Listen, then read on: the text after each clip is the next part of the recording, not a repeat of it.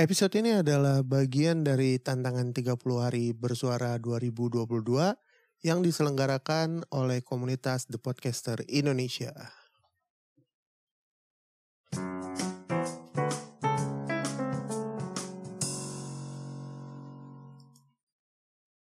Akhirnya kita masuk ke episode 5. Episode 5 ini membahas tentang cuan. Nah, untuk referensi filmnya, gue mau ngebahas tentang film yang menghasilkan cuan, tapi justru uh, kendalanya atau masalahnya dunia ini ceritanya waktu itu lagi resesi. Jadi benar-benar kejatuhan ekonomi terbesar yang terjadi back in the 2008, 2008. Seperti yang kalian udah baca di judul, judul filmnya adalah The Big Short. Ayo kita bahas.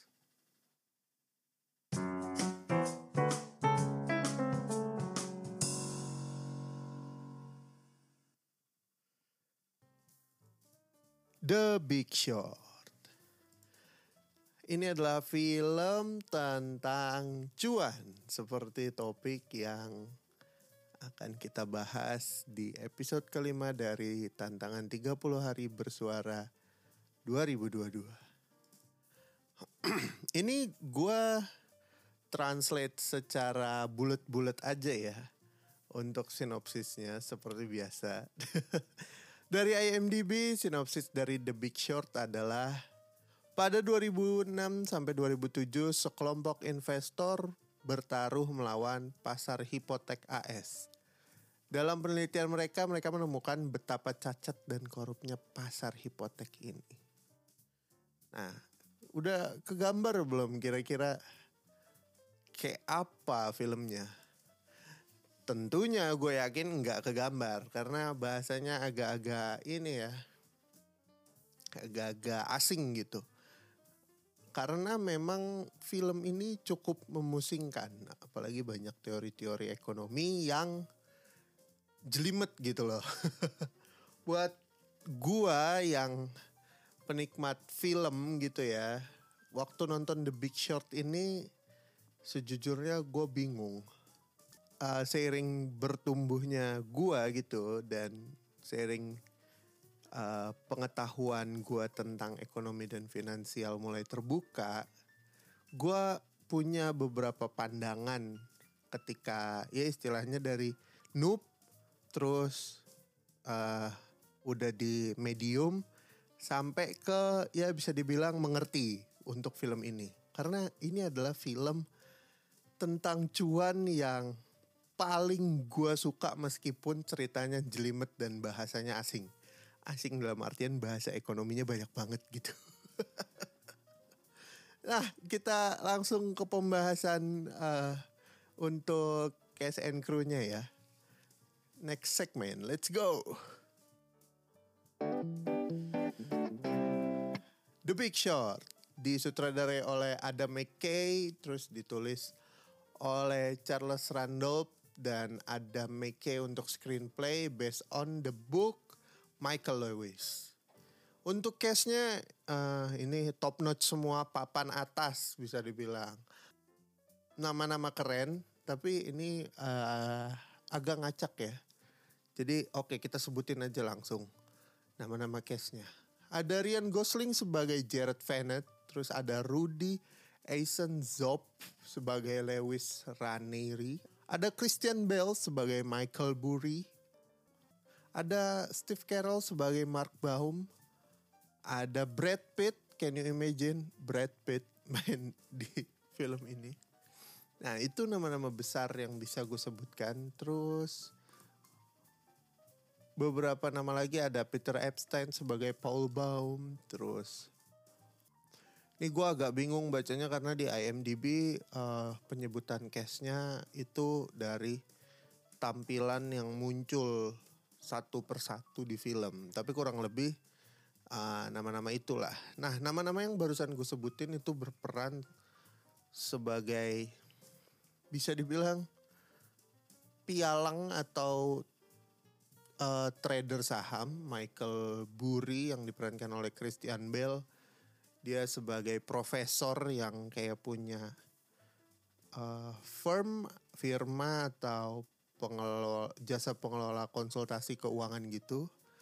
Terus si Steve Carell juga sebagai Mark Baum, dia yang punya semacam uh, company pialang saham. Terus Ryan Gosling sebagai sales yang ngejual saham-sahamnya ini atau broker. Terus ada Brad Pitt yang bisa dibilang pensiunan broker gitu dari Wall Street. Kalau dipikir-pikir kan bahasa-bahasa yang tadi mungkin agak susah dimengerti ya untuk teman-teman yang awam. Tapi, tapi, tapi, tapi, seiring bertumbuhnya gue dan terbukanya gue untuk masalah keuangan, gue akhirnya mulai mengerti tentang film ini. Lanjut kita bahas ke pembahasan filmnya.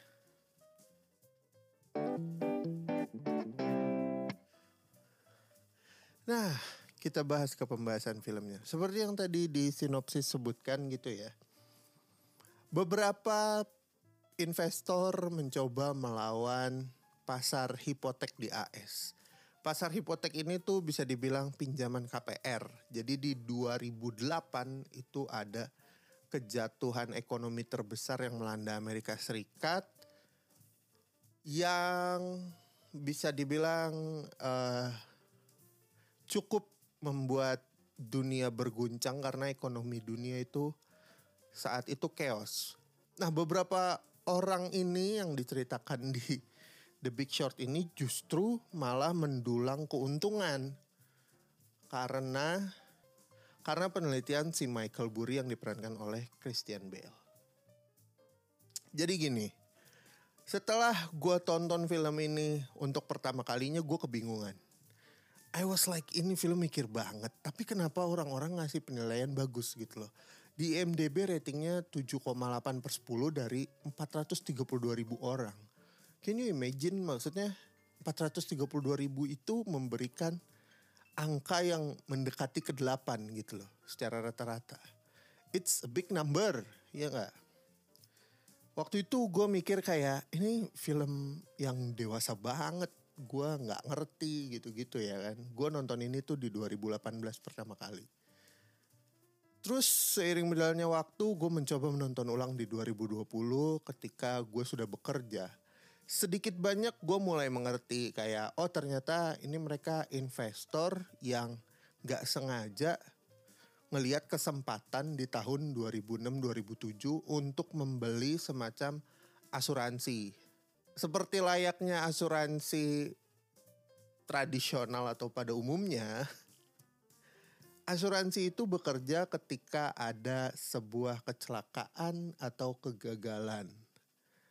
Nah, yang mereka beli ini adalah bisa dibilang asuransi yang melindungi uh, kegagalan pembayaran dari KPR KPR yang ada di US. Jadi secara sederhana tuh gini, orang-orang ini ngebeli asuransi yang uh, berbanding terbalik dengan kondisi pasar. Karena pada tahun 2006-2007 US market untuk KPR gitu ya, mereka tuh lancar banget, mereka bahkan bertumbuh secara pesat gitu loh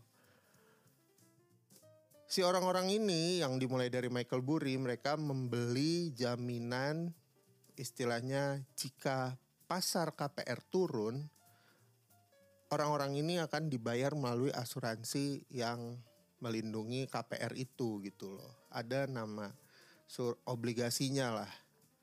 Jadi pada dasarnya secara secara gampangnya bisa disebutkan ketika KPR naik orang-orang ini merugi, tapi ketika pasar KPR turun orang-orang ini cuan besar.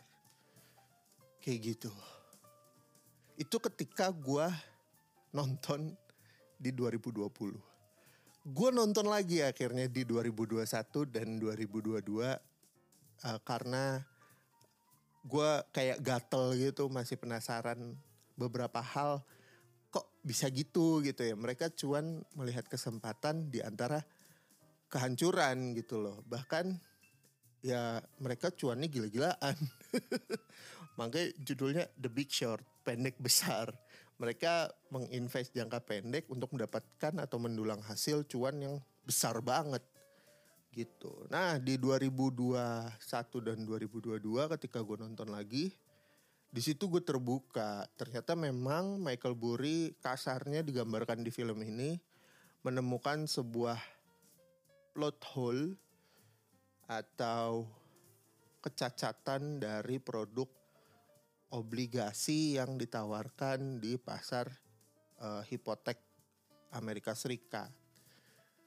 Dan setelah penelitiannya dia berdasarkan apa yang dia riset dari laporan-laporan dan fakta di lapangan ternyata dia menemukan bahwa pada tahun 2006-2007 pasar properti atau KPR Amerika itu lagi lesu dan mulai banyak yang gagal bayar KPR. Jadi 2008 itu kondisinya adalah uh, pasar properti di US itu bubble-nya pecah bahasa ekonominya. Bubble-nya pecah tuh maksudnya uh, pasar properti yang sebelumnya harganya tinggi tinggi tinggi tinggi banget sampai akhirnya orang nggak mampu beli dan nggak mampu bayar properti lama maupun baru akhirnya harus turun secara drastis sampai akhirnya uh, para orang-orang ini tuh mampu untuk melunasi KPR-nya gitu loh. Nah, Kenapa kondisinya bisa kena sampai ke dunia? Jadi karena hampir semua transaksi di bank dunia itu menggunakan dolar dan ini terjadi di Amerika. Pasar properti Amerika yang tadinya bagus cuan dan segala macam, dia menguasai berapa persen perekonomian Amerika. Angkanya turun, ya pasti seluruh dunia berikut sampai harga dolar pada masa itu tuh tinggi banget. Jadi meningkat terus orang-orang gak mampu beli untuk bertransaksi menggunakan dolar. Di situlah kenapa akhirnya dunia terguncang. Nah, film ini bagus banget menurut gue karena penyampaian.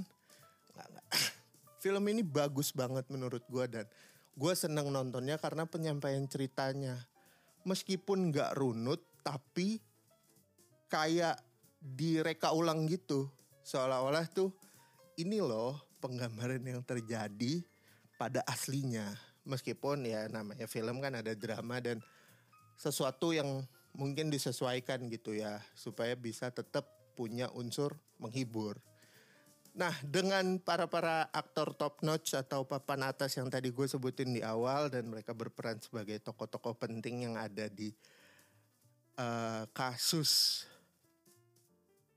keuntungan di antara kehancuran di pasar KPR Amerika ini, kemasannya tuh jadi mm, gitu loh. Jadi wah, jadi ger. semua acting Christian Bale, Steve Carell, Ryan Gosling, Brad Pitt di sini keren banget. Benar-benar menjiwai, benar-benar bagus dan riset penelitian yang akhirnya dilakukan istilahnya penulisnya dan penulis skripnya itu benar-benar keren gitu loh. Sampai dieksekusinya pun gue ngerasa ini luar biasa sih bikin penggambaran yang benar-benar apik yang benar-benar epic tentang sebuah cerita kehancuran pasar properti yang ada di Amerika gitu loh. Nah, uh, itu tadi seputar filmnya. Gue mau bahas cuannya nih.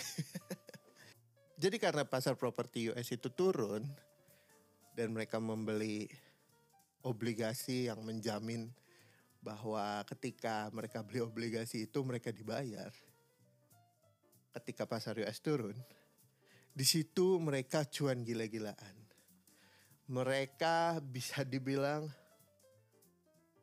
pada masa itu adalah orang-orang yang memegang koin emas yang tadinya dianggap tidak laku ternyata sangat amat langka dan berharga banget gitu loh.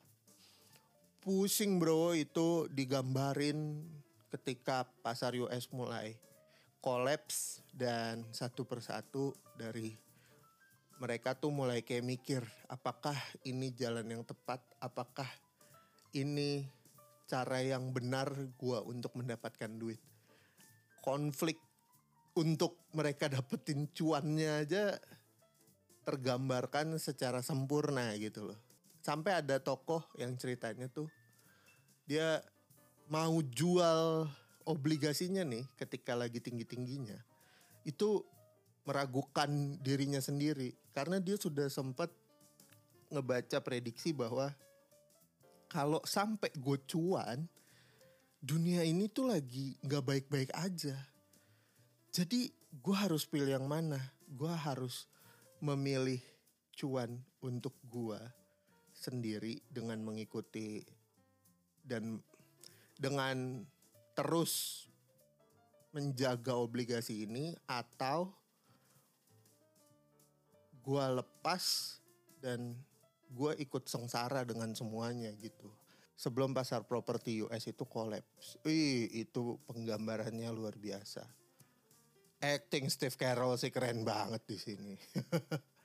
Sampai akhirnya ya Michael Burry, Steve Carroll, Brad Pitt berhasil menjual obligasinya dan cuan jutaan dolar berapa ratus persen dari apa yang mereka pertaruhkan di 2006-2007. Karena pada saat 2006-2007 orang-orang yang ada di film ini itu digambarkan sebagai orang yang bodoh atau nggak tahu apa-apa karena mereka membeli semacam obligasi sampah atau obligasi murahan yang sebenarnya nilainya itu nggak ada. Tapi ternyata justru mereka-mereka ini sedang menggali emas dan berlian yang sebenarnya tertutup oleh pasir yang menumpuk. Kayak gitu kurang lebih. Ah. Kayak udah terlalu panjang gue cerita. Mungkin segini aja untuk episode kali ini. Tonton The Big Short buat lu orang yang penasaran tentang cerita cuan di antara kehancuran pasar properti Amerika di 2008. Gue Arsan 56 pamit. Ciao.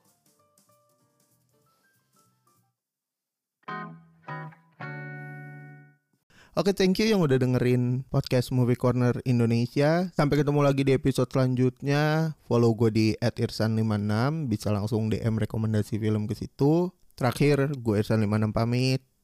Ciao.